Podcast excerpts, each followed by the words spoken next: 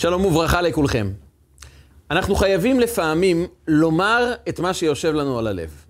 לפעמים כדי לשפר את החיים במשפחה, בעבודה, החיים הקהילתיים שלנו, אנחנו חייבים לומר מה אנחנו חושבים שטעון שיפור. בשביל זה אנחנו צריכים להעביר ביקורת. אנחנו מתכוונים לטובה, אנחנו אוהבים את הילדים שלנו, ובשביל זה אנחנו מעירים להם הערות, מעבירים להם ביקורת, ואנחנו באמת משוכנעים שזו ביקורת בונה. אז למה זה לא מתקבל בצורה טובה לא מעט מהפעמים? הרי אני רוצה לשפר את המצב סביבי, אני רוצה שהדברים יהיו טובים יותר, אני עושה את זה מאהבה. אז מה מונע מאנשים לקבל את הביקורת? גם לנו קשה לקבל את הביקורת. כמה שאנחנו משוכנעים שאנחנו מעבירים ביקורת לטובה, כאשר יש נשמה טובה אחרת שרוצה לקדם אותנו, להועיל לנו, לקדם את המצב סביב, שיהיה יותר טוב, אז הוא מעביר לנו ביקורת, כאן אנחנו נעצרים ואומרים, לא טוב לנו לקבל ביקורת. למה לא נעים לנו לקבל ביקורת? מה הסוד של ביקורת שיכולה להתקבל? איך אנחנו יכולים לנהל ויכוח וביחד עם זה לשמור על משפחה אוהבת, תומכת, שותפה? איך אנחנו יכולים גם להתווכח וגם להישאר אוהבים? איך אני יכול לראות אדם שאני מעביר עליו ביקורת ועדיין אנחנו שומרים על קשר טוב, חם, נעים, אוהב, מאוחד, ביחד? איך עושים כזה דבר? רגע לפני שנמשיך, אני אבקש מכם בקשה אישית. כדי שהשיעור הזה יגיע ליותר אנשים, כדי שיותר אנשים יוכלו להפיק תועלת מהדברים, זה תלוי רק בנו. תירשמו כמנויים, תעשו לייק, תכתבו תגובה.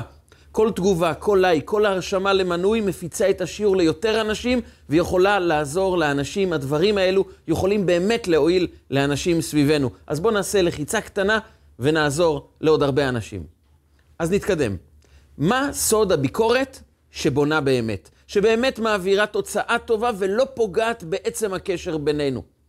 אנחנו יודעים שרוב הוויכוחים מולידים מריבות, מביאים לניתוק, ולפעמים למריבות שלא מסתיימות גם לאורך השנים, רק בגלל דבר קטן שמישהו אמר.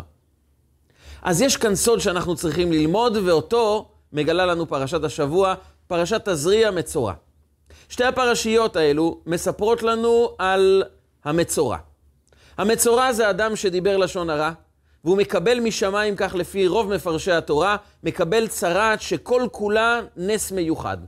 יש תנאים הלכתיים מאוד מפורטים, מהי הצרעת שבעצם הופכת את האדם למצורע טמא, אבל כאן מגיעה הלכה אחת מוזרה, ייחודית, שנמצאת רק בסיפור של המצורע שדיבר לשון הרע ומגלה שהוא מלא בצרעת. וההלכה אומרת כך: כאשר אדם מגלה על עצמו צרת, והוא לא יודע אם זו צרת שמבטאת עונש משמיים, וצרת שמבטאת טומאה ולכן הוא צריך לצאת מחוץ למחנה, או שזו רק בעיה של אור, בעיה רפואית, והוא צריך ללכת לרופא. בשביל זה הוא צריך להגיע אל הכהן. הוא צריך לפגוש את הכהן, והכהן אמור להכריע האם הוא טמא או טהור. וכאן מגיעה הלכה מעניינת. אם הכהן בעצמו לא יודע מה הדינים של הצרעת הזו, הוא לא מכיר את מגוון ההלכות ואת כל תתי פרטי הדינים, האם באמת האדם הזה הוא טמא או לא. מה עושה הכהן? אז כאן אומרת ההלכה, הוא לא חייב להפנות לכהן אחר שמכיר את ההלכות. הוא פשוט יכול לקרוא לרב, והרב בודק את הצרעת, ואם הרב אומר לו, זה טמא, האדם הזה לא הופך לטמא. עד שהכהן, אותו אחד שבכלל לא מכיר את הלכות טומאה וטהרה ביחס לצרת, עד שהוא לא בא ואומר, אתה טמא, אין טומאה חלה על אותו אדם. במילים אחרות, כשהרב בא ואומר, תאמר על אותו אדם שהוא טמא, רק כאשר הכהן אומר, אתה טמא, אז יורדת הטומאה אליו והוא הופך להיות טמא. ונשאלת השאלה, מה הסיפור כאן? הרי ברור שהלכתית הוא עונה על הקריטריונים על התנאים של טומאה, טומאת צרעת, האדם הזה הוא טמא והוא אמור לצאת מחוץ למחנה. למה אם הרב, שעליו בכלל סומכים כאן בכל הסיפור, אם אותו רב אומר, הוא טמא, האדם טהור לחלוטין. עד שהכהן, שסומך על הרב, הוא יבוא ויאמר את המילים, אתה טמא, רק אז הוא הופך להיות טמא. למה זה תלוי בכהן, ולא תלוי בקריטריונים ההלכתיים הפשוטים שהרב מגלה לנו? ממתי בכלל לא סומכים על המומחה אלא רק על אדם שבכלל לא מבין בהלכות האלו, אבל יש לו רק פרט אחד יסודי. הוא כהן. ובגלל שהוא כהן, הוא יכול לקבוע האם האדם הזה טמא או לא טמא, למה זה שייך לכהונה, איך זה קשור לעולמם של הכהנים. וכאן אנחנו נפגשים עם סודו של הכהן. סוד הכהן זו סוד הביקורת. כדי לבנות בית אנחנו צריכים לשאול את עצמנו עם איזו תודעה חי האדם שמנהל את ביתו של הקדוש ברוך הוא. מהי צורת המחשבה של הכהנים, אותם אלו שמטפלים בביתו של הקדוש ברוך הוא? כי הם ייתנו לנו השראה, מידע, הכוונה, דיוק, איך אנחנו אמורים לבנות את הבית שלנו, את החברה שלנו. כי אין בית שאין בו ויכוחים, אין חברה שלא מתנהלים בה ויכוחים חודרים ועמוקים, ולעיתים קשים מאוד. אבל הכהן מלמד אותנו תנאי יסודי ובסיסי אחד, שהוא הסוד הגדול של הכהן. וכאשר נלמד על סודו של הכהן, נוכל ביחד עם העובדה שאנחנו לא מסכימים, יחד עם ביקורת שאנחנו מעבירים, נוכל לחיות יחד באהבה, בשמחה ובקשר ששום ביקורת לא מנתקת את אותו הקשר. אבל נתקדם שלב אחד נוסף. מה העונש של המצורע? אותו אדם שדיבר לשון הרע מגיע לכהן, והכהן, או שהוא בעצמו מכיר את ההלכות, או שהוא סומך על הרב, מודיע לו, אתה טמא. העונש הוא בדד ישב מחוץ למחנה, זה עונש מאוד חמור. הוא בעצם צריך לצאת מחוץ למקום מושבם של בני אדם. הוא לא יכול לשהות בחברתם של האנשים. הוא יוצא שבוע ימים ולא רואה אף אחד. בדד ישב מחוץ למחנה. למה זה עונש על צרעת? הוא דיבר לשון הרע, זה לא בסדר. שיביא קורבן, שיבקש מחילה, שיבקש סליחה. למה שבוע ימים לשבת בדד? למה בידוד זה העונש של מי שמדבר לשון הרע? מה הקשר בין לשון הרע ללהיות לבד לגמרי שבעה ימים? ויש כאן עומק בכל הסיפור. והעומק הוא בעצם נוגע בשאלה, למה מפריע לנו לקבל ביקורת? מה קשה לנו בזה? והתשובה היא, כאשר אנחנו מעבירים ביקורת על אדם, האדם לא רק שומע מה לא בסדר אצלו, אלא הניגון הפנימי שמתחיל להתנגן בתוך ליבו, בתוך נפשו של אותו אדם, זה אני כנראה פסול, אני כנראה לא בסדר, משהו בי פגום, רואים אותי כאדם לא מוצלח. הביקורת, גם אם היא מדברת על פעולה מסוימת לא טובה, האדם ששומע את הביקורת שומע עוד ניגון שמתלווה למילים. משהו בכלל לא בסדר. אתה פשוט פגום. אתה אדם שאין לו ערך כעת. כאשר אנחנו מעבירים ביקורת על אדם, אנחנו רואים את הפעולה הלא טובה שהוא עשה ואנחנו מתמלאים בזעם, וכאן יש תופעה טבעית, אנושית, שמתרחשת, אבל אנחנו חייבים להיות ערים אליה. מתרחשים כאן שני דברים. הדבר הראשון, אני ראיתי פעולה לא טובה שאותו אדם עשה.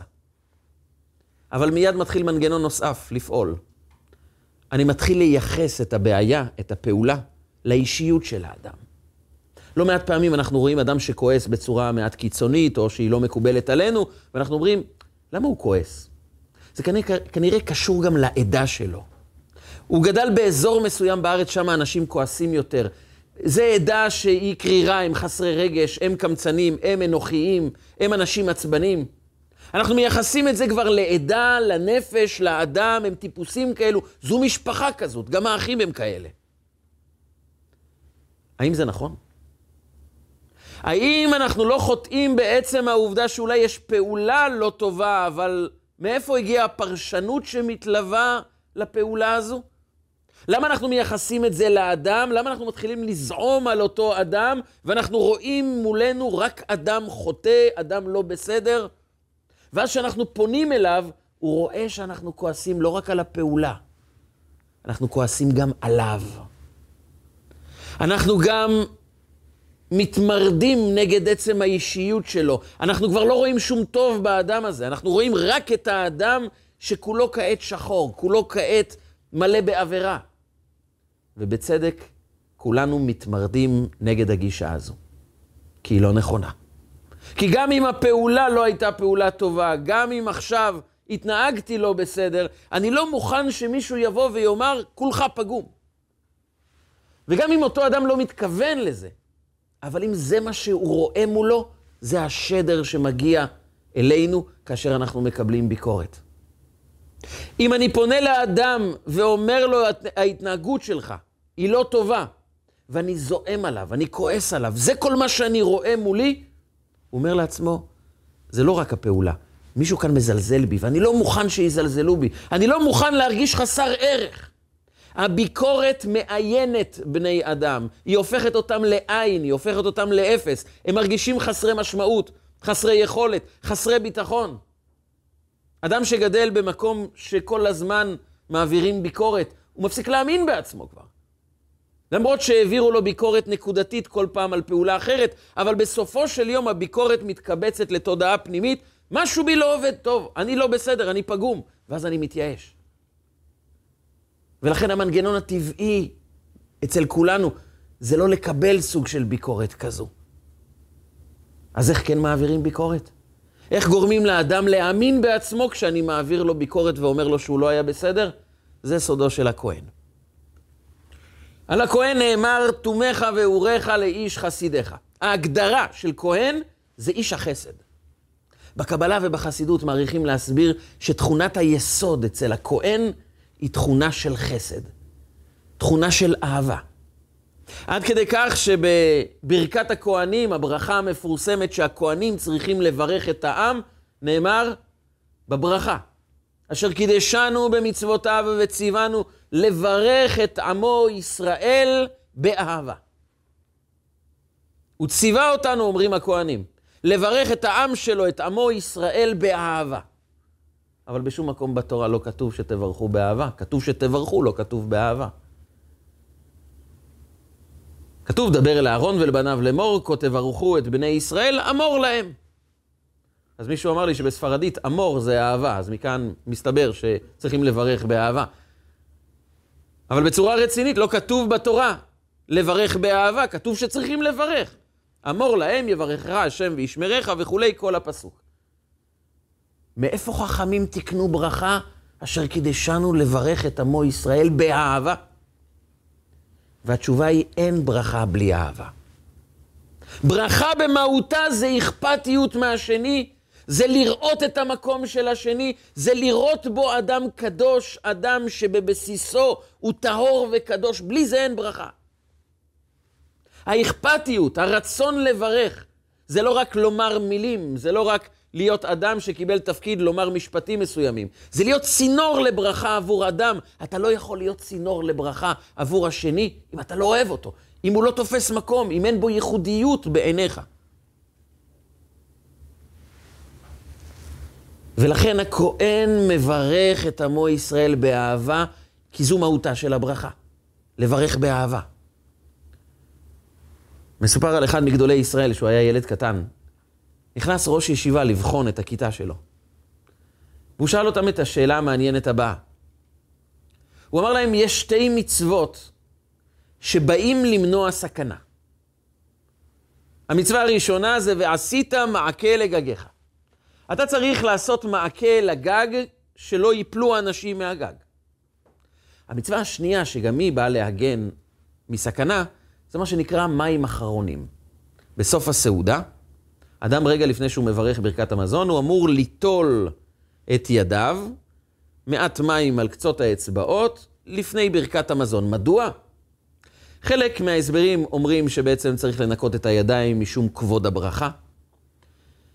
וסיבה נוספת, בגלל שאנשים פעם היו אוכלים יותר עם הידיים, היה מתקבץ מלח סדומית, היו משתמשים בתבשילים במלח סדומית, ואז בקצות האצבעות היה מעט מלח סדומית, ואם אדם ייגע בעיניו כאשר יש על האצבעות מלח סדומית, הוא עלול להתעוור. ולכן תקנו חכמים מים אחרונים, כדי למנוע את סכנת העיוורון בסיום האכילה.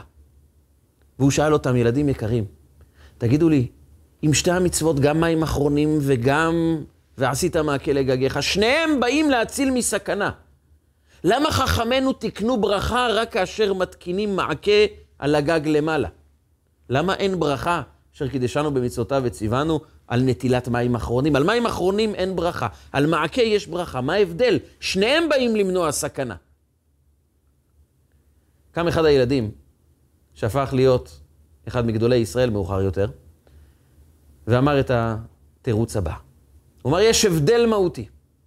כאשר אתה מתקין מעקה סורגים בגג, אתה דואג לסכנה של אנשים אחרים, אתה דואג לחיים של אנשים אחרים, כאן אפשר לברך. במלח סדומית אתה דואג לסכנה האישית שלך, שאתה דואג לעצמך, אין כאן ברכה. כי ברכה מגיעה כאשר אכפת לך מהאחר, כאן נוצרה הברכה.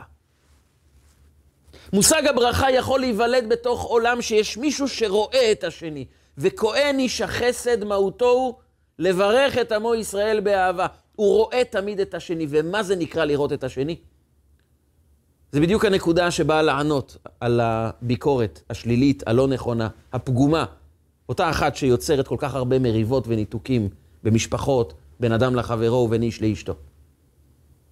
הכהן רואה אדם והוא אומר כפי שכתוב בתורה. אדם כי יהיה באור בשרו, שאת או ספחת. הכהן רואה את האדם המצורע, ובזמן שכולם מסתכלים עליו, הוא מצורע, הוא דיבר לשון הרע, הוא מפלג את העם, הוא חוטא, הוא עושה רע. הנה, משמיים אפילו לא אוהבים אותו. כאשר כולם מסתכלים עליו בעין שלילית ואומרים, זה אדם מצורע, אומר לו הכהן, אתה לא אדם מצורע, יש לך על אור בשרו צרעת. זה באור, זה מסביב, זה בחיצוניות, זה לא אתה.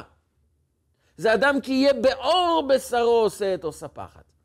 אומר, אתה יודע, משהו הסתפח אליך, משהו נדבק בך, משהו מבחוץ עומד עליך, אבל זה לא אתה. אותך אני רואה כאדם שבתוכו הוא קדוש וטהור.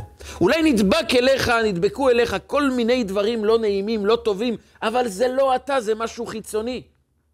כפי שחכמינו מלמדים אותנו, אין אדם עובר עבירה, אלא אם כן נכנסה בו רוח שטות.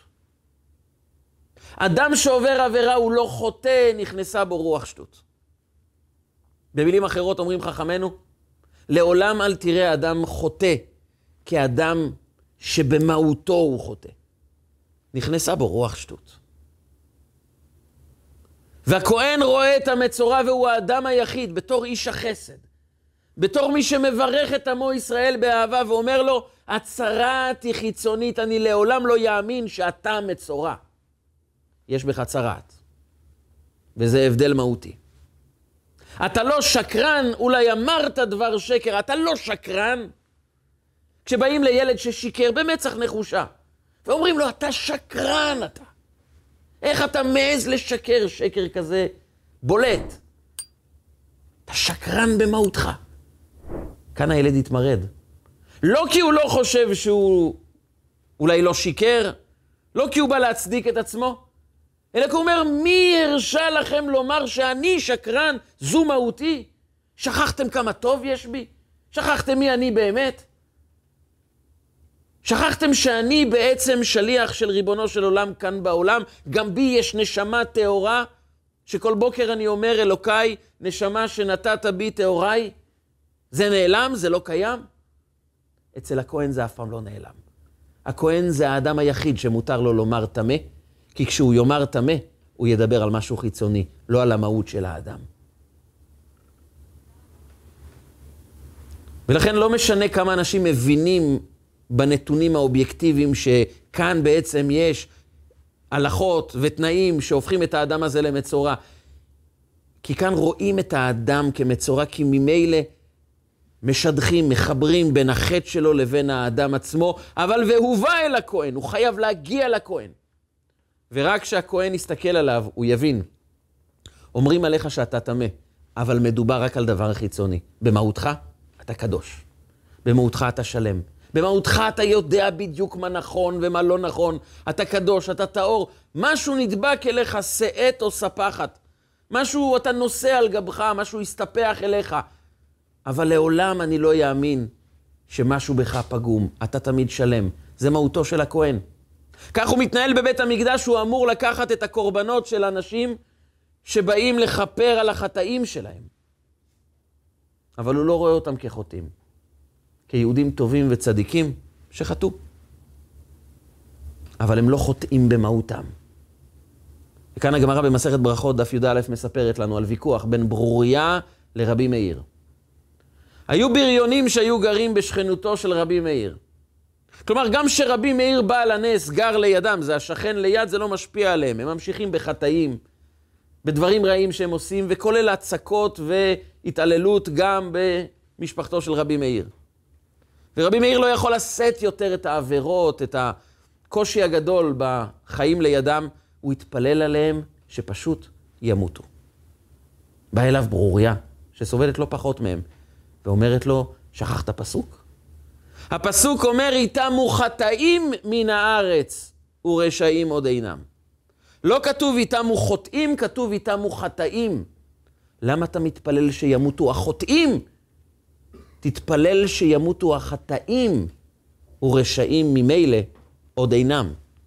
במקום להתפלל שהם ימותו, תתפלל שהחטאים יסורו מהם, ואז ממילא לא יהיה רשעים. אומר לרבי מאיר הצודקת, התפלל שיחזרו בתשובה, הוא התחיל להתפלל עליהם שיחזרו בתשובה, והם חזרו כולם בתשובה. זה מה שאמרה ברוריה לרבי מאיר. איתמו חטאים מן הארץ ורשעים עוד אינם. תתפלל לא על האנשים, האנשים הם טובים, יש בהם חטא. אם החטא יסור מהם, ורשעים עוד אינם ממילא. אבל שואלים המפרשים שאלה אחת פשוטה. הסיפור מאוד יפה. רבי מאיר לא הכיר את הפסוק. רבי מאיר לא הבין את התובנה הכל כך פשוטה הזו, שאתה צריך להתפלל שהחטאים ילכו ולא שאנשים ימותו. הוא לא ידע מזה. עונים המפרשים, רבי מאיר בוודאי ידע מזה. הוא תמיד התפלל שהחטאים יסורו ואנשים יחזרו בתשובה, אבל כאן זה הגיע למצב שהוא כבר ראה בתוך האנשים שהמהות שלהם הפכה להיות חטא. הם הגיעו לרמת חטאים כל כך עמוקה, שזה כבר הפך להיות המהות שלהם. כמו פרעה, שהוא כל כך הכביד את ליבו, עד שכבר הוא איבד את יכולת הבחירה. הוא הפך להיות במהותו אדם שכולו חטא. רבי מאיר ביקש שהם ימותו. ואגב, אומרת הגמרא, ביקש עליהם רחמים שימותו.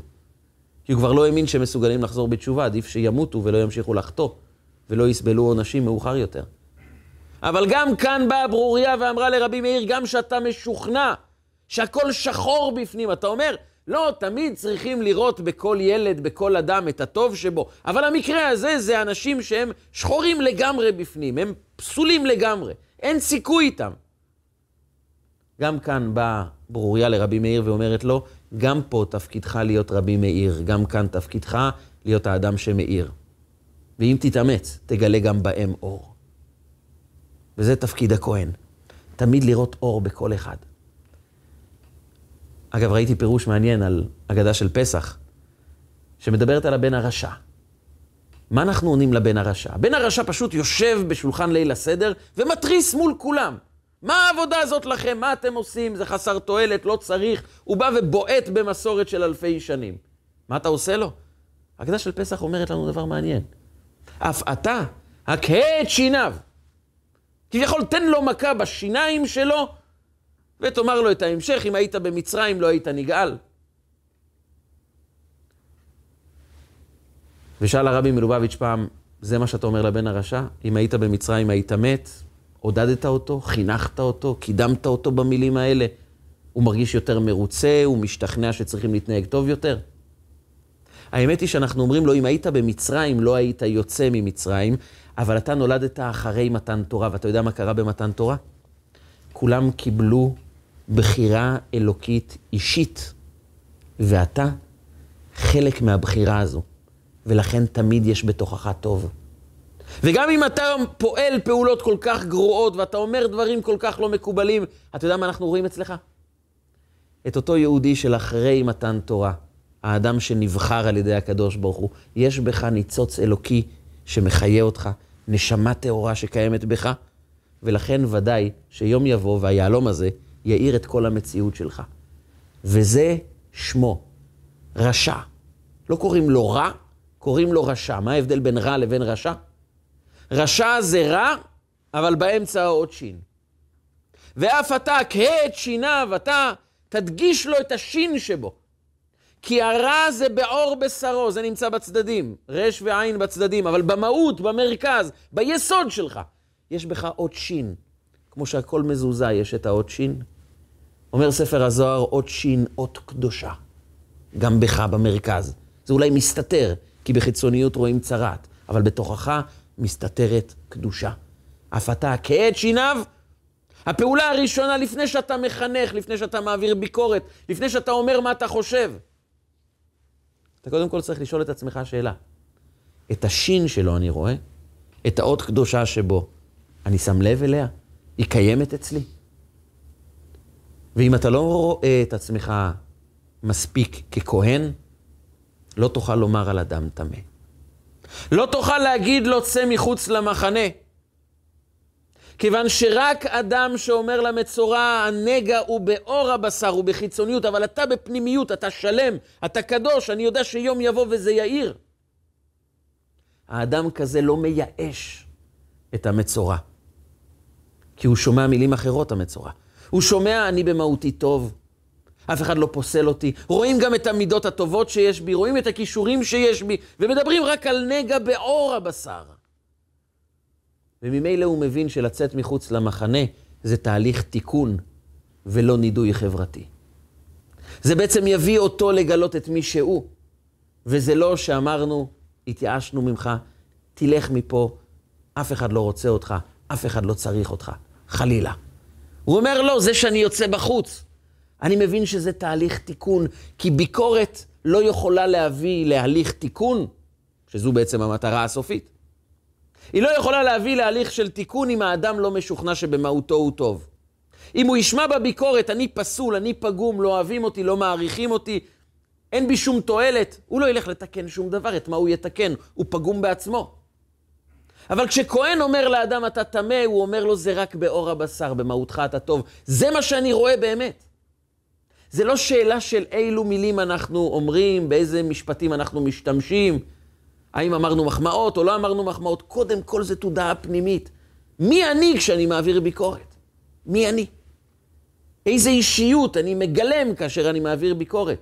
של אדם זועם, של אדם כועס, של אדם מזלזל, של אדם מאוכזב, או של אדם מאמין, של אדם שמחפש את האוצר, שמחפש את היהלום, שרואה כל כך הרבה דברים טובים, ורק יש נגע באור הבשר, ואני רוצה גם את זה לסלק.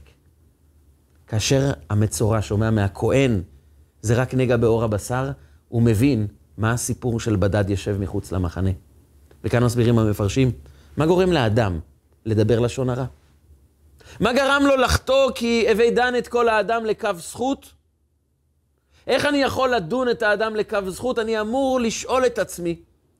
אני לא מצדיק את החטא שלו, אבל האם אני יודע מה גרם לו לחטוא? האם אני יודע מה כואב לו? מה מכביד עליו? מה חורה לו בפנים שלכן הוא התנהג ככה? זה מאוד קל לומר על ילד, הוא התנהג כך כי הוא מופרע, כי הוא חסר חינוך. אתה יודע באמת למה הוא הגיב בצורה הזאת? אתה יודע באמת מה עובר עליו?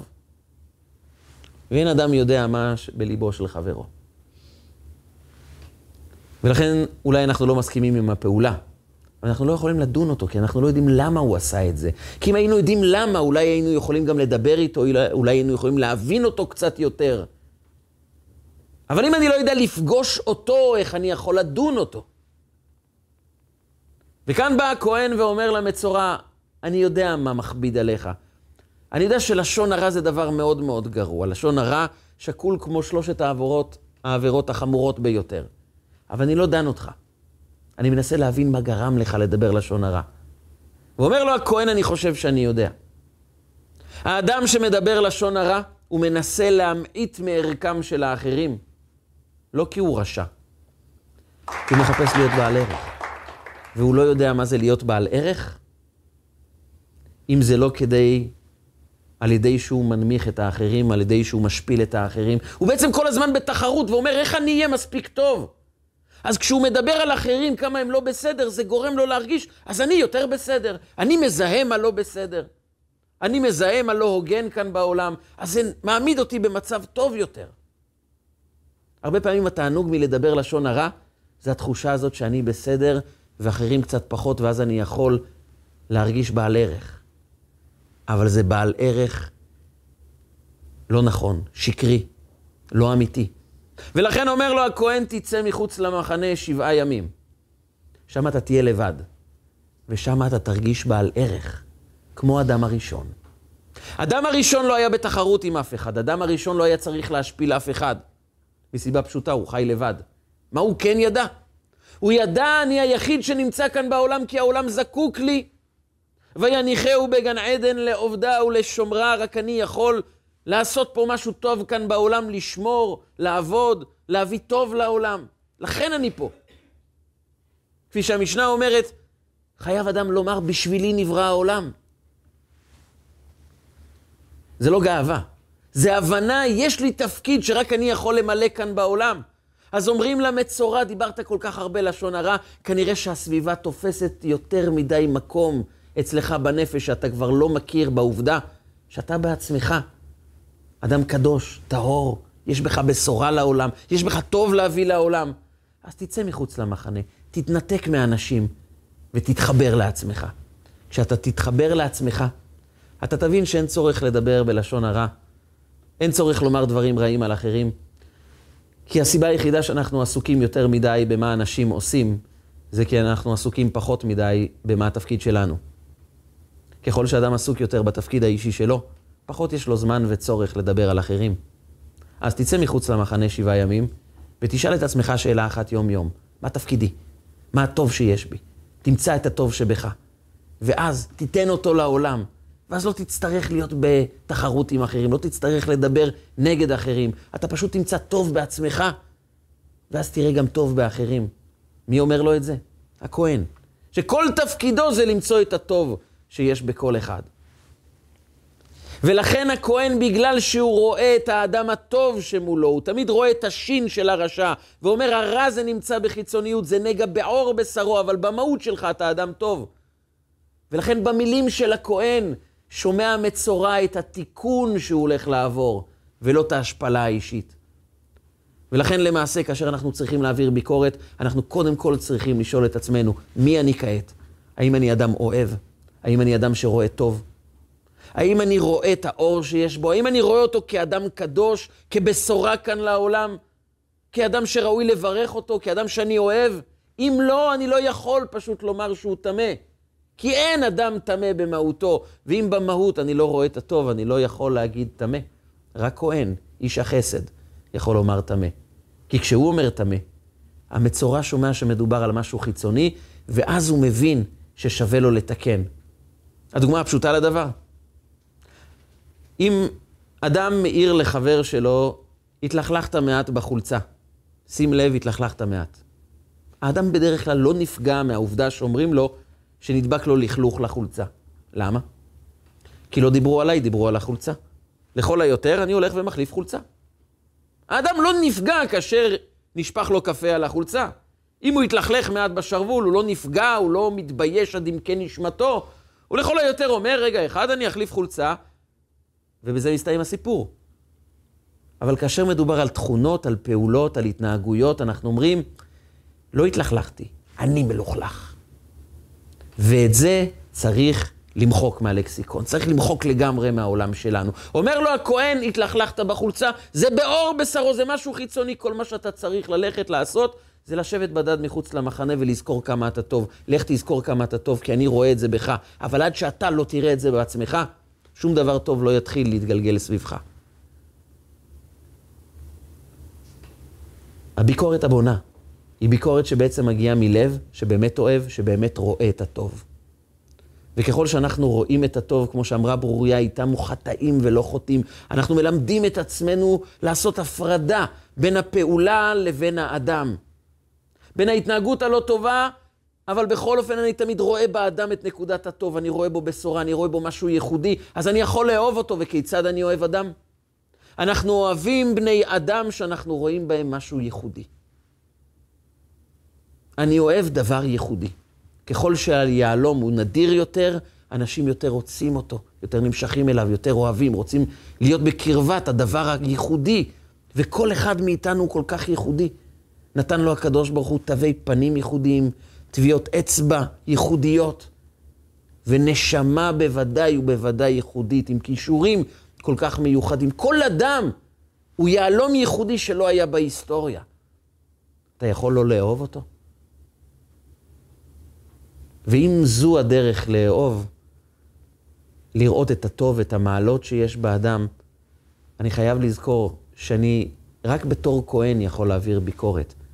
אז לפני הביקורת אני צריך למלא את עצמי בתחושות של כמה האדם הזה ייחודי, כמה הוא טוב, כמה בשורה טובה יש לו, כמה כישרונות יש בו. וכשאני חש את זה, זה עובר עם המילים. לא צריך טכניקות וכל מיני עצות שתאמר כך ותנסח את המשפט בצורה כזאת ובלשון אחרת. קודם כל זה מה אני חש. ואחר כך אני יכול להעביר את זה במילים שמבטאות את מה שאני חש. אתה ייחודי ולכן אני כל כך אוהב אותך. וכל הסיפור של הביקורת זה משהו חיצוני.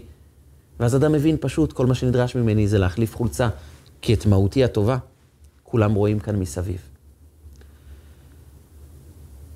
היה מורה אחד בתלמוד תורה שהגיע לבקר את המורה שכבר היה מבוגר, המורה האישי שלו כשהוא היה ילד קטן. המורה שלו היה כבר אדם מבוגר והוא ניגש אליו ואמר לו, מורה יקר, אני חייב לומר לך תודה, כי בזכותך אני הפכתי למורה. אני בעצמי ראיתי איך אתה היית מורה, מלמד כל כך עמוק, כל כך טוב, שזה נתן לי חשק, ולכן גם אני הפכתי להיות מורה, הפכתי להיות מלמד. הרב מאוד התרגש ואמר לו, מה גרם לך לרצות להיות מלמד? אבל אני אגיד לך. הייתי ילד קטן, ובכיתה שלך, בכיתה שלנו, נכנס ילד שקיבל שעון חדש מארצות הברית מהדוד שלו. רמות הקנאה שהייתה לנו בילד הזה בלתי ניתנים לתיאור. זה היה שעון עם אור, עם צפצופים, עם, עם עיצוב מאוד מיוחד. לנו בכלל לא היו שעונים, והוא מגיע עם שעון כל כך משוכלל, ופשוט קינאנו בו. ואני לא יכלתי לשאת את הקנאה הזאת. והגיע היום שהוא פשוט הניח את השעון שלו על השולחן ויצא להפסקה עם כולם, ואני נשארתי לבד בכיתה. פשוט לקחתי את השעון ושמתי בכיס שלי. לא חשבתי יותר מדי, אבל פשוט זה מה שעשיתי.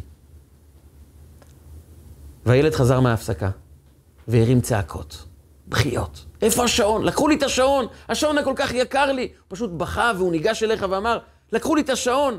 אתה הבנת מהר מאוד שכנראה ילד לא התאפק ולקח את השעון. וביקשת שאותו ילד שלקח את השעון, שיחזיר את השעון. ואף אחד לא קם. אמרת, טוב, אין ברירה. תעמדו כולכם עם הפנים לקיר, תרימו את הידיים למעלה, תעצמו כולם את העיניים. שאף אחד לא יפתח את העיניים. ואני רוצה לבדוק בכיסים שלכם. והתחלת לבדוק בכיסים, עברת אחד-אחד, ואני הרגשתי איך החרב מתקרבת אליי.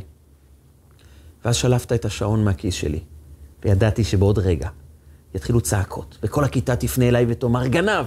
ואני אלך למנהל, ויקראו להורים, ואני אזרק כנראה מבית הספר, וראיתי את כל תסריט האימים מולי, וחיכיתי לרגע שזה יפרוץ החוצה, ולא קרה שום דבר.